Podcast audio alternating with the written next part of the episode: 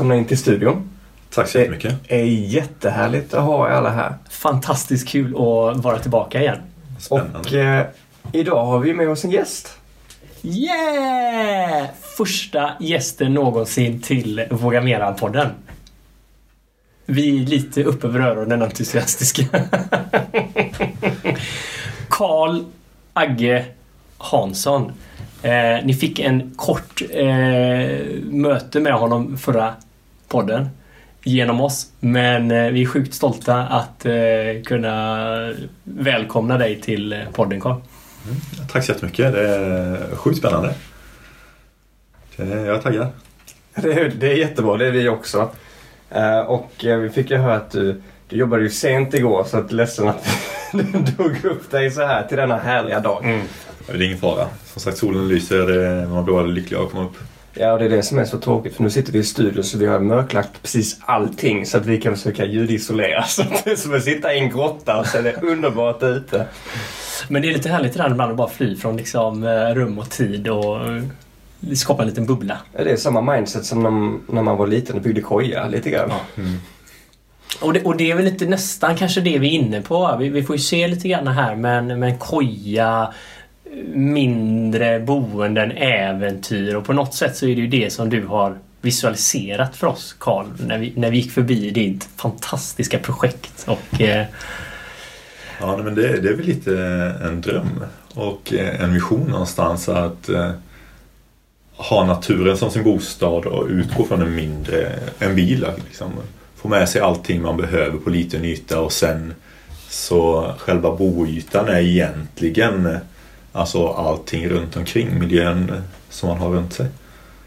Så för mig är ju eh, det jag försöker göra nu då, eh, bygga en campervan, den ultimata frihets, frihetssymbolen. Vanlife där man, eh, man är helt fri, man kan ta sig vart man vill, se nya platser, nya ställen varje dag. Möta nya människor. Så det är häftigt. Men är det byggandet eller är det vanlifet som är det mest spännande? Det är nog mixen. En mix, ja. Men eh, jag skulle nog säga vanlifet, det, det ligger nog lite över. ja. Byggandet det tar ju extremt mycket tid och mycket längre tid än vad man tror och räknar. Så det går inte sådär snabbt som man... Man blir väl aldrig färdig kanske. Nej, Vilket är det är det. en del av skärmen. Jo men så är det ju. Och, eh, alltså, själva byggandet i sig är ju en väldigt liten del av all tid som man lägger. Ja. Det är ju alltså planeringen. Jag har ju ja, jag har ju planerat och kollat på detta i säkert fem år. Och eh, funderat på olika planlösningar och hur gör man? Hur ska man få det optimalt? Eh, Och vilken bil är bäst att ha? Alltså det är ju så många olika parametrar som man måste ha med sig. Detta är inte första bilen va? Nej, jag har haft eh, en bil innan. Ja. Så då har du fått en försmak på eh, vad som väntar. Ja, men lite så. Ja. Men den var ju färdigbyggd från början. Ja. Men att eh, man eh, gjorde i ordning och gjorde om och ändå hade sig. Så eh, nu är ju allting från grunden så det blir ju lite... Ja, Alltså för nu tittar man utifrån då, så det gick ju inte att se första gången som vi såg den vad, det var. Så min, min första tanke var ju att eh, din granne där byggde en ny foodtruck. Ja. Jag tänkte nu expanderar han verksamheten. ja, men det är faktiskt många som tror det. Det är många som kommer förbi och liksom ja men är den din också? Det är inte konstigt att de står precis bredvid varandra. Nej, Det är det är ju ganska litet odds att två så kreativa själar har parkeringsplatserna bredvid varandra. Ja, lite kanske. Ja. Men det är två helt skilda verksamheter kan man säga. Eh, Vanlife eller campervan och eh, vad säljer han? Burritos? Ja, det är ju grekisk eh, souvlaki. liksom. Jag har faktiskt Real aldrig street. testat dem. Det verkar, jag, jag har inte koll på om han har öppet eller stängt för det är alltid ljust. Ja, faktiskt. Ja. När han står parkerad. Det är ju för att han har el eh, till kylarna och sånt där. Ja. Eh, Så lamporna också. Men han, han säljer ju ingenting där. Ja. Utan han står ju på olika ställen i stan. Ja, det är det. ja. Han bor ju där gissar jag. Ja, exakt. Det kan också en campervan. Men om vi hoppar tillbaka då. Du sa ungefär fem år sedan så började det här intresset växa lite grann. Ja, eller det var väl då jag började nörda in på det. Ja, men hur kom du in på det? Vad var det som triggade igång det? Jättesvårt. Ja, men jag har alltid älskat friluftsliv, vara ute i naturen, äventyr. Men jag har väl haft en tendens till vi pratade lite minimalistiskt innan. Att inte vara minimalistisk. Har det varit dina tendencies? Alltså, har det varit din... exakt. Jag har någonstans velat vara minimalistisk. Men det är så mycket som jag vill göra och ha med mig. Så det, det har blivit så jävla tungt när jag ska ha med pandemien. Men det, men det är ju så här lite grann att ska man göra saker ordentligt så måste man ha en specifik pryl. Va? Det är som ska man ut och tälja, då ska man ha en täljkniv. Ja, ja, inte en det- brödkniv liksom. Så Ja, men en- så är det. Och, det. Och är man då lite sådär lite eh, rastlös och eh, jag ska inte säga att jag ledsnar fort men att jag liksom vill variera mig hela Ja. tiden. Jag vill inte bara ut och fiska utan jag vill kanske ha med mountainbiken eller jag vill eh, ta med kajaken och paddla också för nu har jag cyklat någon timme. Det, det kan vara kul att göra något annat. Det räcker ju nu, liksom. Ja, Kan ju inte cykla hela tiden? Nej. Nej men det är väldigt intressant det där för man, man, man, jag kan känna igen mig lite i det du säger. Jag har nästan ibland varit avundsjuk på dem som, ja men jag fiskar. Ja. Och så liksom isolerar man det. Och så hör jag dig säga, men liksom har ett jättebrett intresse och vill göra massa roliga saker. Och så kanske man blir den här splittrade personligheten med bara en massa prylar som aldrig används liksom. Nej men det jag, jag, jag avgudas folk som har de här men en, två intressena och det är verkligen det de gör. Men golf är det jag gör 90% av, av min fria tid. Mm. Eller att man rider eller vad man nu gör. Jag gör lite samma sak här. Jag menar, att bli duktig på en specifik grej. Jag har ju alltid varit så här att jag vill, jag vill kunna lite utav varje. Jag vill liksom behärska många olika saker. Så hamnar jag i en situation då vill jag liksom, ja men jag vet, jag fasen, jag kan, jag klarar det. Men är inte det lite spännande i så fall? För man, om man ska paddla kajak kanske en gång var fjärde år liksom. Kanske man inte behöver ha en egen utan man kan låna. Men någonstans så vill man bara, nej det ska vara, och det ska vara kolfiber. Jävlar vad lätt det ska vara. Kan jag klippa 13 kilo så blir det lättare att lyfta den. Men, men du bjuder ju in också här till att alltså, du säger det här på något sätt är den ultimata symbolen för frihet. Ja. Värnen och, och liksom kunna förflytta hemmet helt enkelt. Mm. Man får ju nästan rysningar. Alltså den ultimata symbolen för frihet ja men för mig är det, det är verkligen så. Att på den lilla ytan som det faktiskt är. Min bil är 5,40 lång och eh, ja, knappt 2 meter bred. Att få med sig allting man behöver. Alltså säng, eh, kök, allting sånt där och alla sina prylar. Skärmflygutrustning, cykel, kajak, alltså fiskegrejer, tält, friluftsgrejer. Alltså allt som man, det man egentligen värderar mest. Mm. Men som i det vardagliga livet inte hinns med för att man eh, lägger all tid på att jobba för att man ska kunna göra de här sakerna man egentligen vill göra. Ja. Men hur har du utmanat det då? För, för, för det är väl den utmaningen som alla har. Jag tror att den här drömmen som du pratar om är ju... Alltså det räcker ju att titta vanlife hashtaggen på Instagram. Mm. Eh, den, den, den, är väl den som alla kanske... Ja, alla som inte har gått in på den. Jag, jag rekommenderar inte det för det är risk att det får konsekvenser för livet. Jag vet inte vad du säger Carl. Ja, verkligen. Och, alltså, I USA har ju det varit stort ganska länge, vanlife. Men eh, det är ju någonting som växer, det, det boomar ju liksom. Just Ja, men det ha det här roadtrip-eran i USA. Ja. Sen är ju USA jättestort också i och för sig. Jo, så är det ju. Det, alltså, det, det finns ju hur mycket som helst att se där. Jag Och det är tänker ett fantastiskt land. kanske och- lite varför det blivit så också. Men Europa och sånt, det har ju varit att man tågluffar har varit ganska stort. Mm. Jag vet inte om man kanske inte gör det på samma Det kommer väl nu också tillbaka faktiskt. Jo men inte i, kanske USA, absolut inte i, Australien till exempel. Då är det ju bil och, Men jag tror och alltså- vans och så som gäller. USA, infrastrukturen i USA den är ju nästan byggd på bilar. Ja, Alltså, exakt. även om du är i bara storstäder. Alla kör bil. Ja. Oavsett att de sitter fem timmar i kö. Mm. Så, så sitter de ändå i sin bil där. De kan köpa en elskoter som bara åker förbi. Ja. Det, Och det är ju precis i Australien samma också. De kallar det ju road eh, trains men det är ju stora, stora lastbilar liksom. Mm. Men om vi hoppar tillbaka så att blev du inspirerad då för fem år sedan kanske via Instagram eller Youtube eller vad var det som triggade att ah fan, det ska vara ett hus på fyra hjul som gäller? Jag kan inte riktigt säga. Nej. Det är någonting som alltid... eh, Drömmen har alltid funnits där. Ja. Och eh, jag har kollat på, eh, på olika husbilar och jag vill ha ganska minimalistiskt, ganska litet, inte någon sån här stor eh, vrålåk och helst ska det inte se ut som en husbil. Ja. Och det är det som har liksom triggat just vanlife-delen.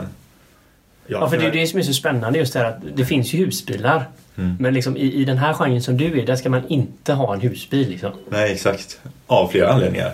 Dels eh, vill jag inte att det ska se ut som en husbil från utsidan. Som ni sa, att man kunde inte se vad det var. Då är man lite mer eh, vanlife i, framförallt i, utanför Sverige. I Sverige är det ganska enkelt med tanke på att vi har allemansrätten. Man kan ställa sig vart som helst. Men det är bara Sverige och Norge som har den. Utomlands så måste du stå på ställplatser. Och det är därifrån det har kommit. Även i USA med stealth camping och Incognito. exakt. Ah, stealth camping alltså. Exakt så att du kan stå på en vanlig parkering. Folk ska inte kunna se att du bor där. I och med att du inte får bo i... Du får inte sova i bilen vart som helst. Eh, och det är väl lite det som man vill åt. Inte, inte kanske att vara hemlig så sett men det ökar ju friheten. Ja. Mm. Och det är ju, man kan ställa sig mitt i stan. Det är ingen som ser att det är en husbil. Men du, du kommer inte liksom som... Ja, nu, nu, inget ont mot en grupp, men du kommer inte som pensionärerna och liksom ställer ut grillen, rullar ut förtälten. Och, Nej, det, det är inte riktigt tanken. man vet aldrig. Vissa ställen kommer jag garanterat göra det. ja. Kanske inte för Det är ju lite förknippat med det här med att man, man får en ökad frihet då ju. Ja. För jag menar, att stå på Ullareds campingplats är kanske inte allas mål. Nej, och det är ju just... Det är väl kanske mitt emot minimalism också i och för sig. Ja, det, de är ofta där med syfte. Ja. Och det är att fylla, fylla vagnen med så mycket de kan. Men eh, har, har den här, har det mött något motstånd den här drömmen inom dig själv eller eh, liksom med människor runt omkring dig? För eh, man kan säga det här är väl extremt accepterat när man är 18, 19, 20 och liksom var lite wild and crazy. Men eh, och att döma på ditt skägg så är du lite äldre. Ja, jag tar det som en komplimang över skägget. Inte riktigt som Benjamins skägg. Han är fantastisk. Eh, men eh, ja, lite äldre än 18-19 är jag. Men jag. Jag tror jag har ju aldrig följt det där eh, vanliga normen. Och det är lite det som jag fascineras av också. Att, eh, och lite det som anledningen till att vi sitter här idag. Att våga, våga mera och våga ta sin egen väg. Och det är ju just att bryta sig loss från eh, alltså den vanliga samhällsnormen som enligt mig är ofantligt alltså skadligt för samhället. Eh, för man sätter in, dels sätter man in folk i fack och sen begränsar man folk väldigt, väldigt mycket. Och det är hela samhället är ju uppbyggt på att, att tvinga in folk i eh, the rat race. Liksom. Och det är väl en av mina långsiktiga mål att kunna lämna ekorrhjulet och kunna vara mer fri och styra sin tid och eh, vad man vill göra. Så lite att bli ännu mer self-sufficient. Ja, men absolut. Jag vill inte... I framtiden vill jag inte vara beroende av samhället utan jag vill kunna klara mig själv. Jag vill inte känna att jag måste gå till jobbet för att går jag inte till jobbet då klarar jag inte att överleva ekonomiskt exempelvis. Eh, jag vill inte känna att jag är bunden till eh, en specifik jobba åtta timmar om dagen på en specifik plats. Nu har jag ett väldigt fritt jobb och jag trivs fantastiskt med mitt jobb så jag, jag vill inte sluta men jag vill inte heller känna att jag måste gå dit för att överleva. Det är ju en väldig skillnad faktiskt. Det här Ja. som du belyser. Vad är anledningen till att jag går till det som vi kallar jobb då? Mm. Är det för överlevnad? Måste banka in de här åtta timmarna varje dag, vecka ut, vecka in? Eller är det lustdrivet? Mm. Hänger det ihop med mitt liv i övrigt? Ja. Nej, men jag, jag tror ju, kollar man på statistik, här, nu kan jag inte statistiken i huvudet, men det är ju extremt många människor som hatar sitt jobb. Och de tillbringar mer tid på jobbet än vad de gör med någon annan människa. Som de, eller Ja. gör, Så det är ju, det är ju sjukt faktiskt. Ja, men, men det är faktiskt sjukt. Eh, Jag gjorde en undersökning typ bland liksom folk som jag pratade med för, eh, när när jag själv höll på med detta. För folk tyckte det var så märkligt eh, att, att jag hade ju den här längtan inom mig som du beskriver som, som du verkar tunat in på ganska tidigt i livet. Och liksom röstat det modet att hålla dig utanför normen eller rat race som du kallar det. Men jag, jag sögs ju in i den kraftigt. Men där började jag göra en undersökning alltså, fråga folk typ, vad de tyckte om sitt jobb. Och då är det ändå människor i, i, liksom, i, i piken om man ska säga så. I, som jag nu. 30, då var jag väl 33 eller någonting. Eh, och vi har ju aldrig haft en bättre möjlighet. Vi har fina utbildningar många av oss och, och det har funnits och varit högkonjunktur och massa jobb. Men jag skulle säga 8 av 10 tyckte inte om sitt jobb. Ja. Det är helt sinnessjukt. Och, och spenderar, spenderar så extremt mycket tid på det. Ja, men och, och vi har ju liksom valmöjligheten egentligen. Mm. Alltså, man kan, så skyller man på chefen och så skyller man på det och så liksom hittar man tusen anledningar. Mm. Men vad är det som man gör, vad man inte gör som du gör? Jag tror att folk är livrädda. Och det är inte livrädda enbart för att eh, inte få pengar eller det, utan det är lite som vi sa innan. Att man placeras i fack. Kanske det här Det dömande. att- ja, att dömande och går- sociala går- massan som går emot. Alltså, hur, kan du, hur kan du göra så? Du har en jättebra utbildning. Om man lyssnar, jag har lyssnat en del på Robert Kiyosaki. Och han är ju lite intressant att lyssna på. Han är ju väldigt... Eh, trycker upp det i ansiktet på folk och provocerande verkligen. Ja.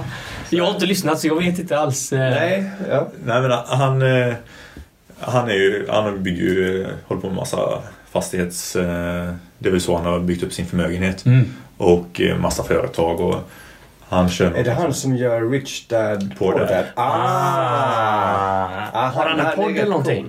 Ja, det, Han har väl gjort en hel typ... Uh, han har ju massa böcker. Och så har han ju En hel utbildningsfunktion ja. typ. Ah. Ja. Rich Dad eh, Learning Platform typ. Ja. Ah, och han har en eh, plattform också. Ja, ja. ja det, den har exponerat ganska mycket. Ja. Han, Det där är han, är, en- han är sjukt pedagogisk faktiskt. Mm. Nej, men han, är, han är en väldigt intre- intressant person. Men han är ju extremt provocerande. Ja. i just det här med The Rat Race och eh, han, syftet med hans Rich Dad Poor Dad. Eh, hans Dad är ju hans riktiga pappa. Och han är jättevälutbildad eh, men har hela tiden jobbat för allt han ska göra. Liksom. Haft en anställning, varit högt uppsatt lärare och eh, hela tiden, pappan har hela tiden tryckt på honom. Skaffa dig en bra utbildning, skaffa dig ett bra jobb så att du kan göra det och det. Tänk på samhället och Ja, mycket, lite- mycket den biten tar. Tryggheten och Ja, pensionen. men exakt. Och, Medan Rich Dad, då, det är hans bästa kompis pappa. Som är entreprenör. Och eh, han började som alltså med, med bygg. Och sen skapat passiva inflöden med fastigheter och sånt. Och, eh, så han har ju gått på skola eh, hos sin Rich Dad. Och det är ju eh, ja, men det är häftigt hur man lär sig hur pengar fungerar. För att komma ut där. Sen har inte jag några som helst ambitioner på att bli eh, alltså svinrik. Utan jag vill mer kunna känna att man klarar sig utan att vara tvungen att göra någonting. Som att man har de här typiska fuck you money. Eh, fuck you money. Ja, exakt. Det Att du har så du kan klara dig över två år eller någonting. Ja. Vad- Fuck you money. Ja. Då, då, är det, då är det som man har så att man kan bara... Om någon vill få dig att göra någonting kan du säga ah, fuck you. Är det så man kan liksom gå in till chefen och så Ja. Ha det gött? Vad är det den? Vad är hur är det den i åk... eh, Han som är inne på Triss? Kommer ni ihåg den reklamen? Nej. Du kanske är för ung för den Benjamin. jo, men ni kommer ihåg det. Men Åke! Jag känner igen det. Jag kommer inte... Jag... Jag försöker ju minimera min tid att spendera med reklam. Ja, det är sunt faktiskt. Men jag, tänker, okej, vi jag vill hitta tillbaka det. lite här. För att eh, vi pratade lite grann om, om att, att ha prylar och att det, det har varit en stor del av, av livet här också. Mm. Men att försöka reducera det eh, när man har begränsat utrymme. Ja. Så om vi hittar tillbaka då för, för fem år sedan så började intresset då liksom nu. Hur, hur tänkte du vid den här tidpunkten? Ringde du en, åter, en återförsäljare eller du, du hörde med någon kompis eller du... Nej, utan jag kollar. Alltså, en av mina bästa kompisar han, eh, har hu- han har ett företag som hyr ut husvagnar. Han har kört det i 10-15 år. Mm. Och det skapar ju en frihet. Liksom bara kunna, även där har man ju sitt boende som man kan dra ut och ställa vart som helst och ha med sig. Så det har väl fött upp. Men jag tror att den eh, känslan har alltid, alltså, den har alltid funnits där. Sen för 5-6 år sedan så snöade jag in mer på det. Och liksom, om det här är någonting som jag verkligen vill göra. Och alla YouTube, Instagram, eh, Pinterest och eh, som sagt jag har jag vet inte hur många tusen timmar jag har lagt. Alltså, jag kan ligga en hel arbetsdag med att liksom bara läsa YouTube och kolla och sen snöar man in på någonting. Ja men hur bygger man det? Och så gör man si och så. Vilka skruvar ska jag ha för att montera upp eh, tvåbalkar? Ja, men, eh, har, inte, har inte köpt bilen inte- än men det, vilka solceller av de här 20 olika ska man välja? Och, Ja, och så ena veckan är man ju inne på solceller som du säger. Så läser man på allt om det, om vilka material ska det vara och vilka... Läser massa tester och kollar på det och så man snöar in på varenda specifik del. Isolering är ju en sån, det är ju nog den största frågan när det kommer till vanlife. Den som är mest kluven. Ska man ha det? Ska man ha det? Det finns så många olika sätt att isolera en bil. För det är för att hålla en behaglig temperatur i skåpet? Ja, ja exakt. Eh, och då är det ju eh, i och med att du får kondens in i en bil. Du vill ju isolera för att hålla värmen inne när det är kallt och kylan inne när det är varmt. Men det är väl att man håller liksom temperaturen ungefär någorlunda detsamma oberoende om det är dag eller... För har man ventilation eller hur liksom? Ja, jo det måste man ha. Man måste ha det? Ja, just på grund dels att du bor där, att syret tar slut annars men eh, och sen på grund av kondensen. Det blir ju alltid kondens i utandningsluften är ju fukt. Ja. Så det är jätteviktigt. Och då vill du inte ha fukten som kommer vill du inte ha in i, i och med att det är metall. Då rostar det. Så då eh, måste du liksom klä in allting så att det blir fuktskyddat. Och så är det ju olika lager man eh, ska ha olika teorier bakom. Eller teorin egentligen är ju... Det finns ju ett sätt som är rätt. Men vägarna dit är ju... Det är ganska många olika. Det är många, många som tycker till också vad som ja. är rätt och sådär. Jag tror att det, det, man kan känna igen det lite grann det här med att man vill hålla, hålla borta fukten. För det, det är ju ganska vanligt för Eh, men, om man har suttit i en bil till exempel som inte varit igång så känner man ju ganska direkt att fukten kommer. Liksom. Ja. Eh, och samma. Vi har ju sett Titanic allihopa. Är det den effekten du snackar? Handsmetseffekten eller vad heter det? Är det så när man vaknar i vanlife? Ja, men det, det kan man, man, kan ju man kan ju nog känna det bra i tält också. Då kan ändå tält lufta lite men ja, att man blir ja. så här, det är nästan lite kletigt på morgonen. Ja. Och jag menar tält är ju ofta Tältduken inte... liksom kondensen i taket. Ja, och tält är ju inte ofta jättemånga dagar. Man brukar ju flytta tältet. Det är ju en av fördelarna med tält. Ja. Men eh, jag antar att om man är iväg med, med van så är man iväg. Eh, någon vecka eller sådär liksom. Ja, alltså, det är också charmen med det att du kan ju själv styra. Du kan ju bo i den heltid och bara ha det, det som din enda bostad. Du kan vara ute på helgerna, du kan vara ute vara på semestern. Du, du styr det helt och hållet själv. Och har du en egen som, eh, som jag då håller på att fixa så då blir det ju en skillnad istället för att du ska hyra. Det är, det är snordyrt för det första. Sen ska du få tag på någon som passar. Och de var, då är det vanliga husbilar och de kanske inte fyller det behovet som man har.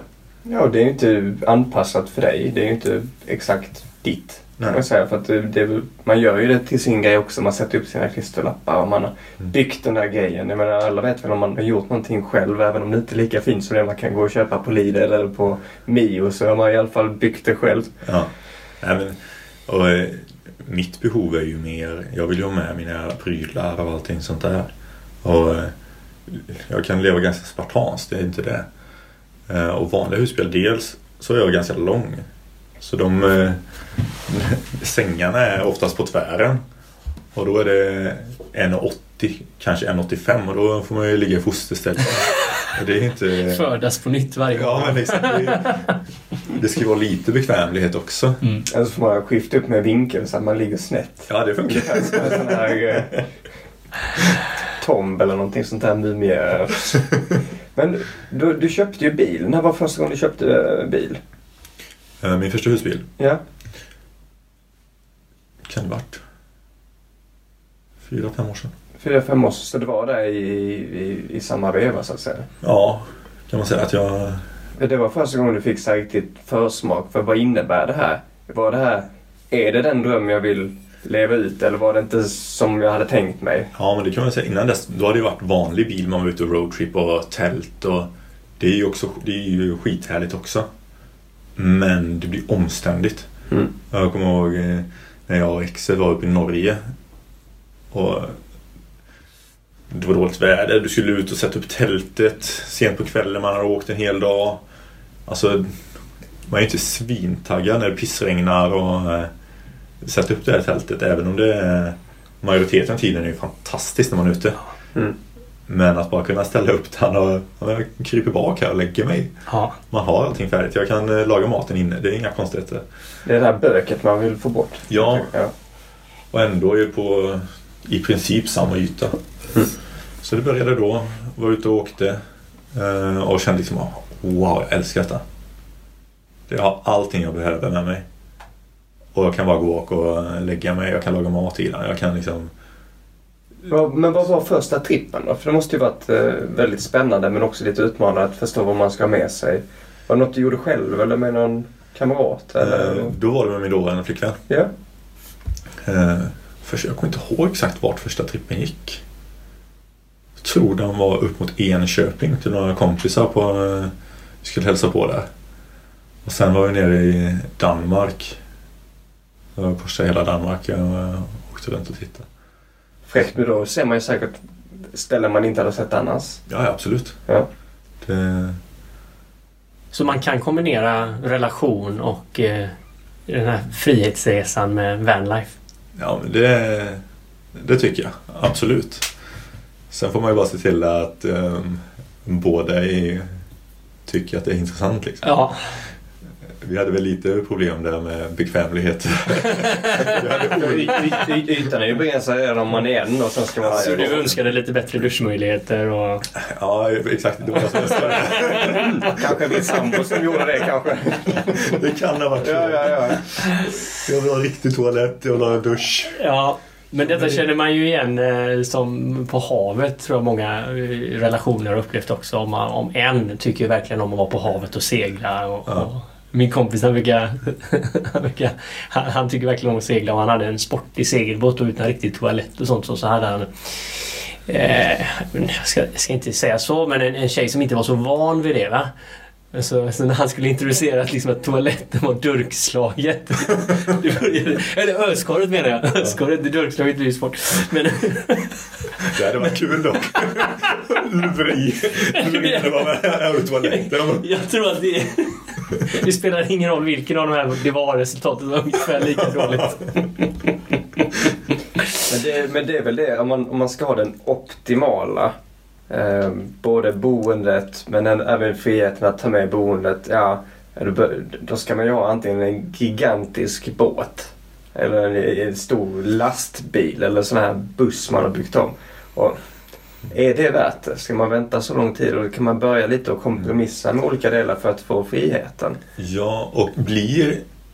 När det är för stort, blir det frihet när du inte kan ta dig fram det dit du egentligen vill? Mm. Du kommer inte in genom eh, grinden eller... eh, Nej, alltså du kan inte ta dig ut i skogen på grusväg. Ja, Eh. bilen kanske inte klarar av det för att det, Nej, du kan inte köra med båten på små mysiga kanaler eller vad det nu kan vara. Eh, bara hamna till exempel i Ja. begränsande. Försök lägga till en stor båt i- inne i Köpenhamn till exempel. Det, Ja, nej, det... Ja men när saker och ting växer. Det är så intressant ni säger. Alltså, det är ju inne att växa. Alltså the American XXXXL. Liksom, så, va? Coca-Cola symboliserar ju lite vad vi har gjort. Alltså, båtarna har växt. Titta Ja. på 70-talet. Då var ju 23 fot en gigantisk båt. Liksom.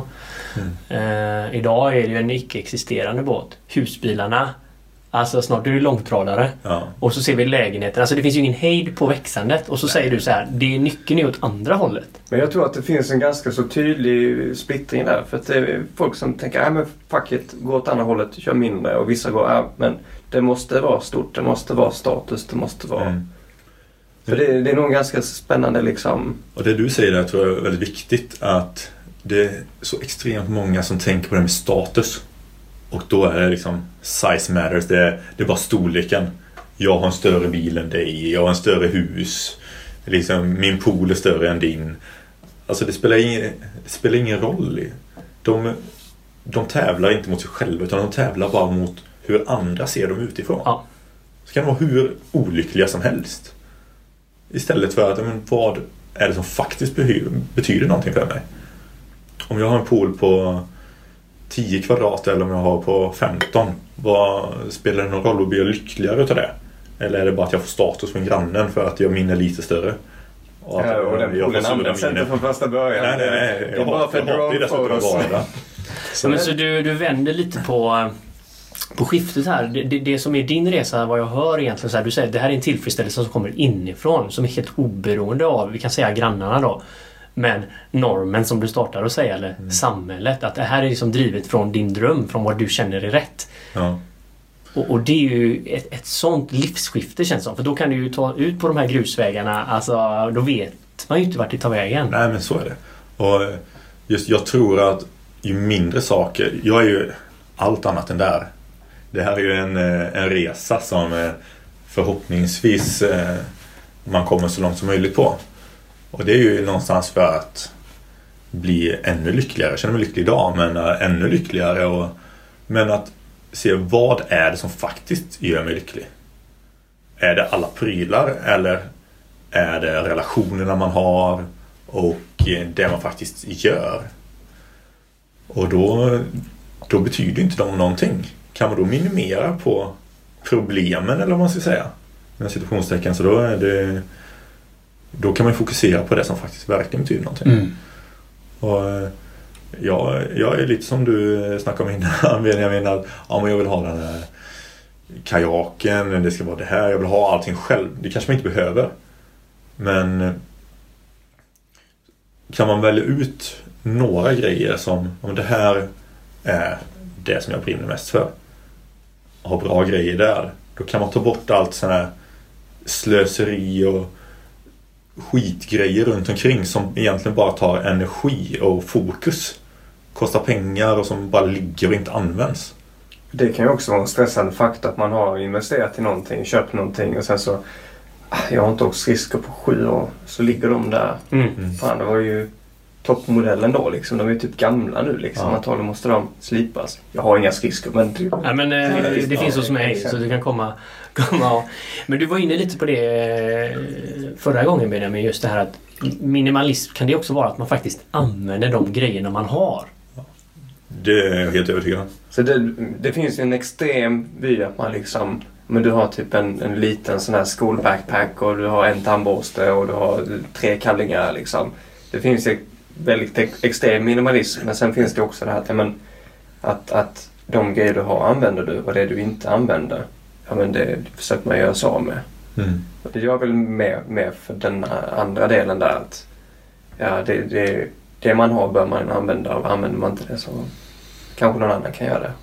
Och sen, jag tror att det är någonstans ett grundläggande mindset som eh, är väldigt viktigt. Och det handlar ju om att tänka efter lite. Vad har jag för behov? Och om man hela tiden gör medvetna val i allt. Det kan vara allt från miljö till eh, konsumtion till träning, eh, vad man äter. Alltså precis allt i livet. Då tror jag också att det blir lättare att man, man tänker igenom. Man behöver inte bara gå förbi den. Oh, den var häftig. Den, eh, det vill jag ha. Och köpa det. Och sen ställer man det hemma och så har det gått ett år och bara just det, den har jag. Jag har inte använt den. Men eh, den kan vara bra att använda. Så gör man medvetna val då tror jag automatiskt att du köper färre saker. Du använder dem mer för det är någonting som du verkligen vill ha. Och du, dessutom sparar du pengar också. Vilket gör att du minskar dina utgifter och behöver mindre, färre eller lägre inkomster för att faktiskt gå runt. Ja, men det blir hävstångseffekt liksom. Ja. Det ena ger det andra och helt plötsligt har du tagit två steg mot din vision att Exakt. kunna vara var du vill när du vill. Ja. Ah, det är ju... Und- Undrar om det förändras lite grann. eh, Jag kan tänka så här att jag kunde nog göra mer impulsiva köp förr. Men nu är jag en sån som spenderar timmar för att hitta rätt grej jag ska ha liksom. Jag ska ha bäst grej liksom. Och, och på sätt och vis så genom att spendera mer tid så utmanar man sig själv till också. Men vad är det egentligen man behöver och varför behöver man det? Fast, fast gör man det? För jag är precis likadan. Nej, alltså, jag, jag, Men, men jag, tror, jag tror att... eh, Jag liksom springer in som fasen och sen bara... Jag vill fortfarande ha det här bästa. Jag vill ha det bästa för, för pengarna. Vilket kan innebära att man faktiskt håller sig för att köpa någonting tills att någonting blir ännu bättre. Ja. Till exempel en dator, där är jag typisk så här, Ja. liksom, nitisk på att där vill jag ha bästa grejer. Kan jag spara hundradels sekunder på olika grejer så är det mer Mm. effektivt.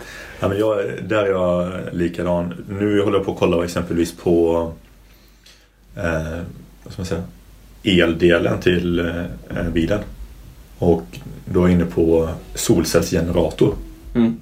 Det är, det finns lite olika typer och det är inbyggt litiumbatteri. Så det är egentligen att man, man från solcellen då behöver någonstans att ta hand om elen som genereras och sen stoppa in det i batteriet eller? Det är väl en eh, all-in-one eh, paket kan man säga. Eh, Där du har både batteri, du har solcellsregulatorn och laddaren. Du har växel, alltså som du skiftar mellan 12 volt och 2 220. Så du har liksom allt i ett paket. Och, För vad betyder det att ha en generator där? Alltså, eh, men det är ju att du kan eh, från en vanlig dieselgenerator exempelvis, då, då skapar du el med hjälp av en motor som går på diesel. ja. Eh, och här skapar du el via solceller exempelvis. Mm. Eh, du har flera olika sätt du kan ladda den på. Du kan ladda den på antingen med solceller. Stoppa in. Du kan stoppa in den i ett vägguttag. Ah, Ladda okej. upp den. Du kan eh, koppla den till eh, 12 voltsuttaget på bilen. Så du har flera olika Så sätt. den strömmen som finns tillgänglig kommer du mata in i, i liksom... Exakt. Och då vet man ju jag vill ha det här, jag vill ha det här och det här. Eh, men det är ju extremt få produkter. Det finns inga produkter som har allt. Antingen har de det eller så har de det. Och så tänker man varför kan ni inte bara göra någonting som har det och det? Mm.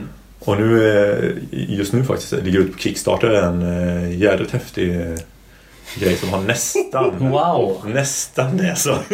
Har, har du gått in med funding? Alltså, har du... Inte än men eh, Det jag kanske tar för lång tid.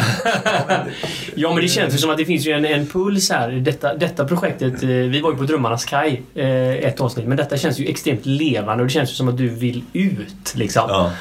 Eh, hur, hur ser det ut när du nu släpper tamparna säger jag, men när, när du vrider på nyckeln? Vart, vart tar den här drömmen vägen tror du? Hur skulle en... Eh, mestadels så kommer det ju vara runt i området, västkusten här. Sen eh, är ju planen i sommar. Tar mig upp. Planen var från början Lofoten. Vi får väl se om eh, Norge öppnar upp. Ja. om man kommer dit eller inte. Jag Eh, kanske öppnar upp mot allt förutom Sverige. ja men det, det är inte omöjligt. Så, Det är- hela Europa är öppet men Sverige är så här inbjuden. Alla andra släpps in ja, liksom. Ja, norsk, norsk, eh, norska fäggskyltar. Men Lofoten låter ju helt gudomligt att få magiskt, ja. cruisa på de här vägarna. Ja, alltså jag har ju varit, jag har ju kört en del upp i Norge och sånt där och det, jag älskar det. Jag sitter liksom med ett flin på läpparna och det är, det är nästan här orgasmvarning hela tiden. Liksom. Jag kan ju tänka just det med Lofoten också. Jag menar, för många så kan det vara ganska dyrt att åka till Norge. Speciellt om man ska hitta boende. Bara det här med restaurang och mat och sånt. Jag menar, åka till Trysil, då är man ju, det är den resan du gör det, nå- det åt liksom.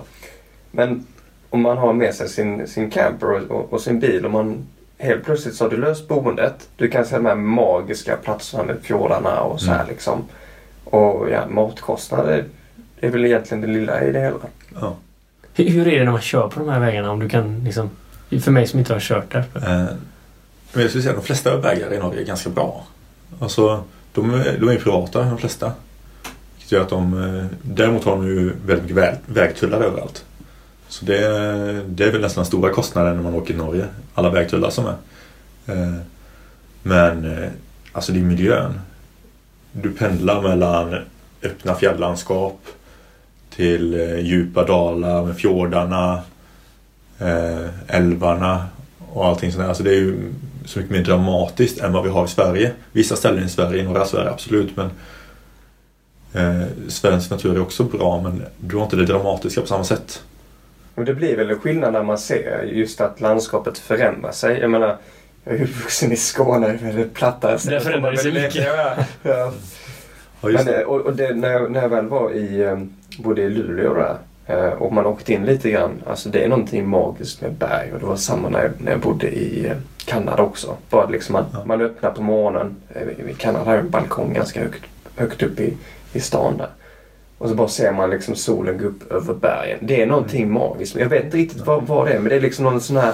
Jo, men det är någonting magiskt. Jag- jag-. Det är liksom det där majestätiska som man inte kommer åt här utan det är naturen är så himla stark och just bergen för att de är lite snötäckta toppar skogen nedanför och sen om man har vatten i direkt anslutning.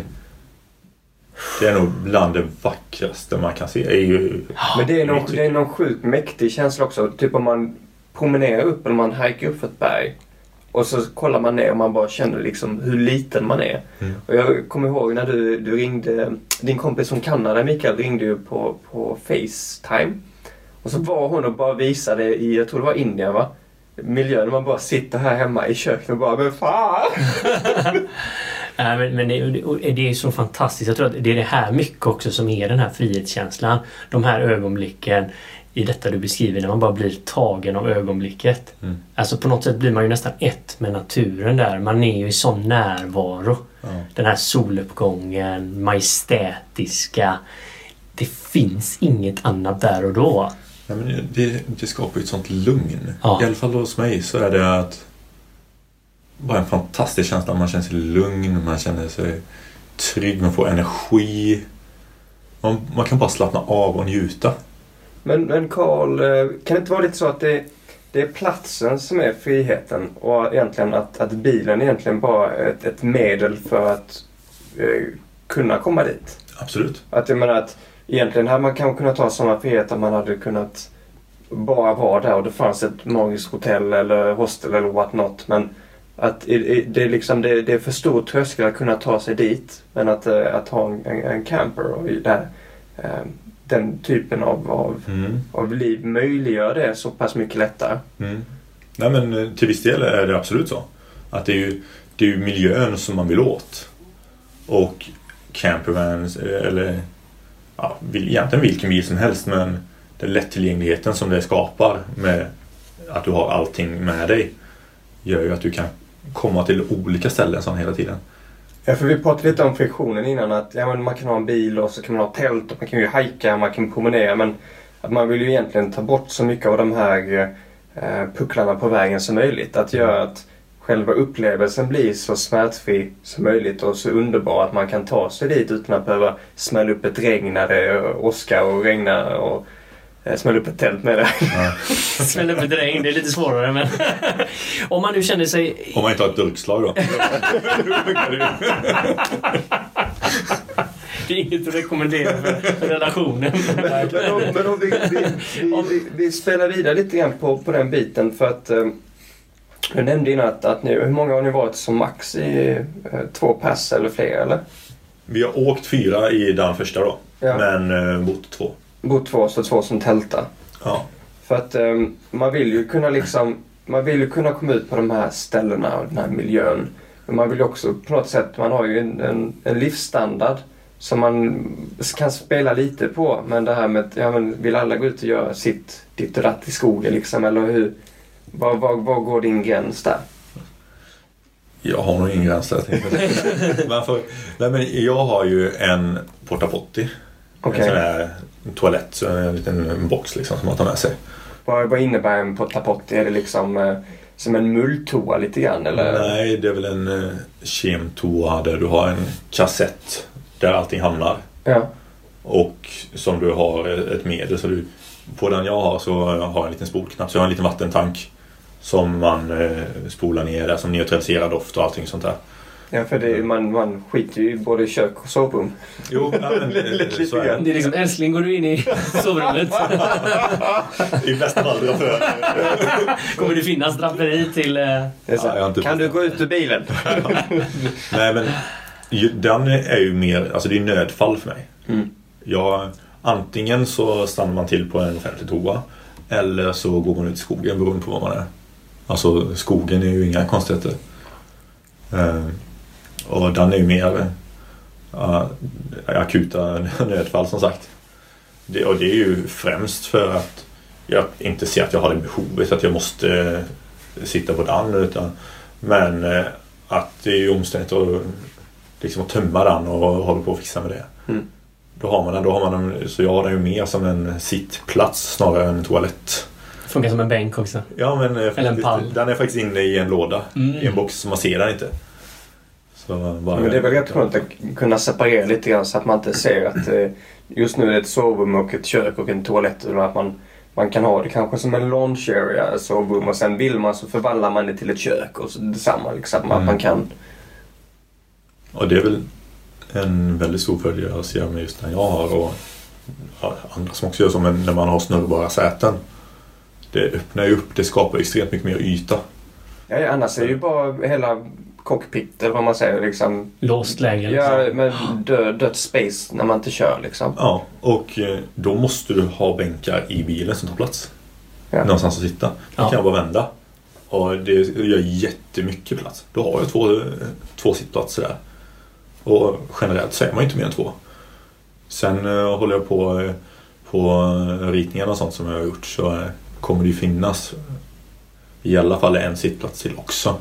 Så man kan sitta tre och eh, sen kan man ju ha klappstolar och sånt också. Det är inga konstigheter men Så det går att bjuda in här till eh, det går att bjuda in. myskväll i Verkligen. världen. Men sen har man ju hela sängen också. Ja, ja. Så med, med eh, ordentliga kuddar så kan man ju använda det som en soffa tänker jag. Mm. Nej, men, alltså det är bara fantasin som sätter gränser. Och eh, det är ju också det coola. Eh, Det är ju lite magiskt också att Ja. man, man får ju faktiskt välja själv. Man är sin egen designer lite grann. Mm. Och det är samma sak med båtar. I och med att du har en begränsad yta då måste du ta tillvara på all yta. Så man får ju försöka hitta praktiska och smarta lösningar.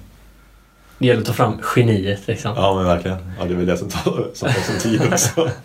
Hitta den här Men hur, hur nära in på är vi nu att ha färdigställt eh, bilen? Och...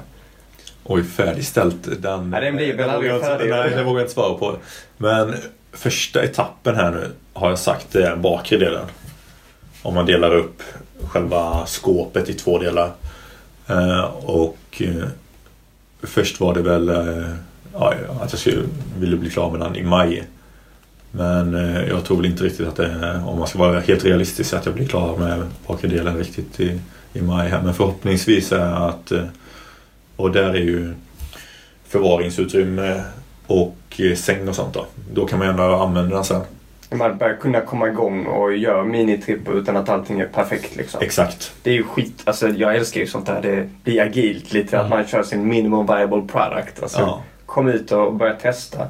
Så då, då ser man ju också hur fungerar det mm, som jag har tänkt. Så du ska ut här nu i, i början av sommaren. Den ska rulla snart. Ja, det är absolut. Då ser vi ju, Mm. precis som du sa i början här, att, att eh, det är, bygget är en stor del och det är spännande. Men det är inte det viktigaste. Utan det viktigaste är att komma ut. Ja, Här har vi ju det på svart på Ja. vitt. ja men eh, Underbart. Men den här, om man nu känner sig inspirerad till den här jakten på frihet, alltså den här känslan och, och som du beskriver. Mm. Hur, hur, hur börjar man? Alltså, vad, vad, vad är ditt tips att liksom... Eh, Jag tycker alltså allting handlar om mindset. Du måste först veta vad vill du med ditt liv? Vart vill du komma? Innan du vet liksom eh, ungefär vad du har för målbild. Då, eh, då är det svårt att göra så mycket. Men har du bara en målbild, ja men det här och det här vill jag göra. På grund av det här och det här. Så att du hittar ditt varför. Då är det börja nörda. Alltså börja läsa. Det finns ju hur många människor som helst som har gjort det som man vill göra. Eh, så jag känner att jag har en hyfsad plan på hur jag ser att mitt liv framöver ser ut. För man måste väl inte ha helt så här hundra koll på vad man vill. Utan det räcker med att man har den där känslan och börjar liksom sträva Ja dit. men, ja, men exakt. Du måste veta ungefär liksom men vägen. vad, vad är ditt mål. Sen hur den vägen går, det kan man aldrig veta på. Den, och målet kan ändras. Mm. Nej. Vad kan ett mål vara? Till exempel om man säger så här, jag har bara jobbat på här nu och jag, när han säger så så får jag nästan panik för jag vet inte riktigt vad jag vill med mitt liv. Eh, om jag styltar upp min, eh, mitt mål och min eh, väg som jag känner liksom är en realistisk väg för väldigt många att ta. För att bli, alltså skapa mer frihet och tid och pengar i sitt liv. Eh, så är det att jag vill kunna ha ett liv där jag inte är beroende av mitt jobb. Utan jag vill göra det för att jag brinner för det. Och eh, jag vill kunna resa mycket. Och ja, kunna umgås och göra det som jag tycker är roligt. Det är huvudmålet då. För att kunna styra mitt liv, tid och eh, inte vara beroende av jobbet så måste jag ha någon form av sidoinkomst.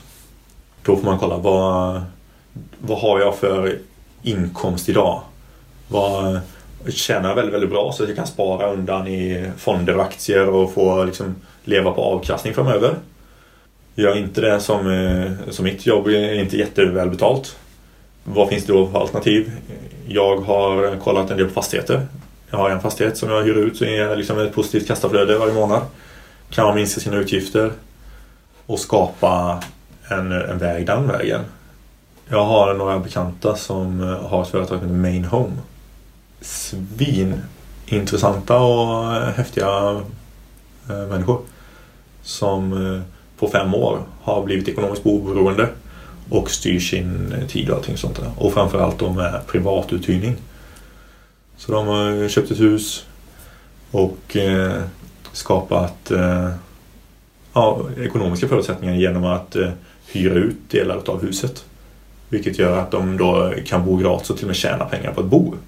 Och boendekostnaden utefter skatten är ju, det är ju, det är ju den eh, största utgiften man har. Så kan man då ta bort den och kanske till och med tjäna pengar på att bo.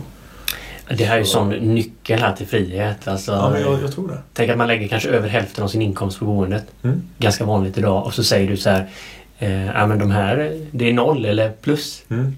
Men Karl, vad, vad kan man göra om man... eh, För det kan ju också bli att man väntar, att man skjuter så- på saker och ting för att man känner att ja, men, jag måste kunna ha de här fuck you-manér. Eller jag måste ha alla förutsättningar för att kunna hoppa på det här tåget. Mm. Att det kan också bli en blocker. Och sen så får man, får man barn, eller så har man redan barn. Mm. Och så ska det vara skola och man helt plötsligt så fastnar man i det här att man känner att men det jag verkligen vill kan jag inte göra för att jag har sett till att min omgivning fungerar också. Att det handlar inte Mm. bara om mig längre. Kan man liksom ändå smyga på drömmen och ha det som en, en stark hobby? Eh, till exempel att man kanske har ett lite delat liv. Att man smyger igång den då och har på så sätt redan börjat investera i sin dröm. Ja, det kan man absolut. Men jag, jag, jag tror fortfarande att det är mindsetet som är det viktigaste. Vad är jag beredd att göra för att få det här? Och är du i en relation och har barn och familj och hela den biten då, då blir du kanske svårare på ett sätt men enklare på andra. Det blir enklare på så sätt att ni har två inkomster, generellt högre inkomst. Eh, såklart högre utgifter och allting sånt där men vad är man då beredd att göra? Och ytterligare problemet med om man har familj det är ju att få alla att sträva efter samma mål. Det finns också möjligheter med familj. Så skulle... Ja, jo, men absolut. Jo men det var, var du inne på samtidigt så fort man är mer än en. Alltså, det, det är en sak att kompromissa med sig själv. Men du sa ju så fort ni var två i husbilen och så säger du så här, nu har vi kanske två eller tre barn också. Ja, Och det är klart, det måste ju vara ett... Det jag hörde säga är det måste väl ändå vara någon form av gemensamhetsprojekt för att det ska vara framgångsrikt. absolut, annars, annars kommer det inte gå. Men också tror jag det, det som är så intressant här, är det okej att ha individuella drömmar också? Självklart, det, det måste man ha. Så hur kan man på något sätt eh, så, ge energi till alla? Det ena behöver inte utesluta det andra. Jag tror vi var inne lite grann på det här, för det har egentligen, jag tror det har med, med, med sina värden att göra. Vi pratade hur, vad, vad är det man värderar? Man värderar frihet högt. Mm. Eh, värderar man eh, till exempel oberoende eh, ekonomiskt? Eller värderar man en status på grund av, av sitt yrke? Så att liksom om man kan kanske aligna sina värden med sin partner eller med, den, med de personer man vill, man vill, vill leva sin dröm med så har man då kommit en jättelång väg. Och det tror jag är viktigt oavsett vilken väg man tar. Är du i en relation då, då behöver man vissa gemensamma nämnare.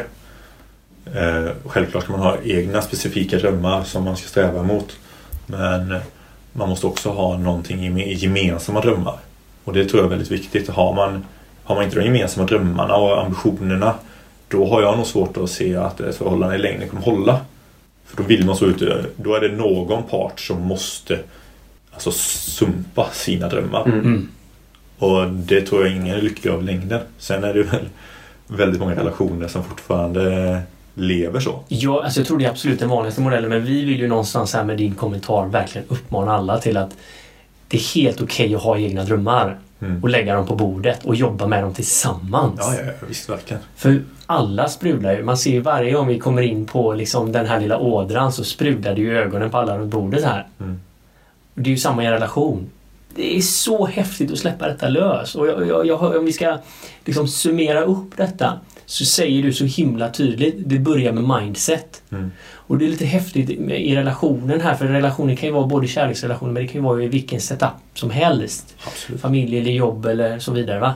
Men mindset på något sätt börjar det med en själv. Som du säger, man måste checka in. Man måste ge sig lite tid och titta vad vill jag och vart är jag på väg. Ja. Och vet man inte vad man vill så hur ska man då kunna ha gemensamma mål? Men då är det ju en jätteintressant grej att börja utforska. För har man inte gett det någon, någon, någon tanke på tio år så är det ju konstigt att liksom första gången jag checkar in och, och tror att alla svaren finns där. Ja, det, tar, det tar ju lång tid. Ibland önskar man ju att kan man inte gå tillbaks 10-15 år med den kunskapen och det jag vet med mig idag. Hur skulle livet sett ut då? Det hade ju varit eh, fantastiskt. Och fast det är så det är farligt också. Att oj, om jag hade gjort ett annat val, hur hade livet varit? Jo, För eh, att på det något- farligt, absolut. För på något sätt så tror jag att man, man formas allt eftersom. Mm. Och, vad- och tänker man tillbaka tio år, shit vilken... Vem var man då egentligen? Jo, men tänk om man, tänk om man hade kunnat ta med sig de erfarenheterna och den kunskapen och det, det som man har idag. Om man hade haft det då. Hur livet hade A, kunnat se ut. a, a, absolut, vi kan ju bara hoppas att vi lever tills vi är 150 år gamla och att vi gör ett extremt bra biohack senare. Ja, att vi använder detta nu. Både att det, det fantastiska som du har inspirerat och delat med dig av till oss inspirerar äh, mig att göra startsträckan kortare. Eh, och ja, men liksom, det är ju alltid här och nu någonstans. Det, det är aldrig för sent för drömmen. Nej, nej, nej. Det, det är bara att köra på. Det är bara att köra på. Ja. Och vad jag tänker här, både Karl och, och på din eh, historia här Mikael om, om Indien också, att, att man kommer igång. När man väl har fattat tycke för vad man vill. Ja, men första att man Inte, att, steget. man, att man inte fastnar utan att man, man kör. minsta möjliga. Första steget. Alltså, och det börjar med mindsetet. Man ger det lite, lite energi och sen därifrån utmana sig själv. Det är ju inte lätt som du säger. Men rewarden, alltså det man får tillbaka av varje litet steg är ju fantastiskt. Hur tar jag första steget Karl? Om vi ska lämna en sista grej här nu. Oj, oj, oj. Hur tar man första steget? Eh, ja, men det är att bestämma sig. Och bara köra på. Det, vet du vart du vill så det kan vara ett litet, litet steg. Men ta första steget. Tusen tack! Tack själva.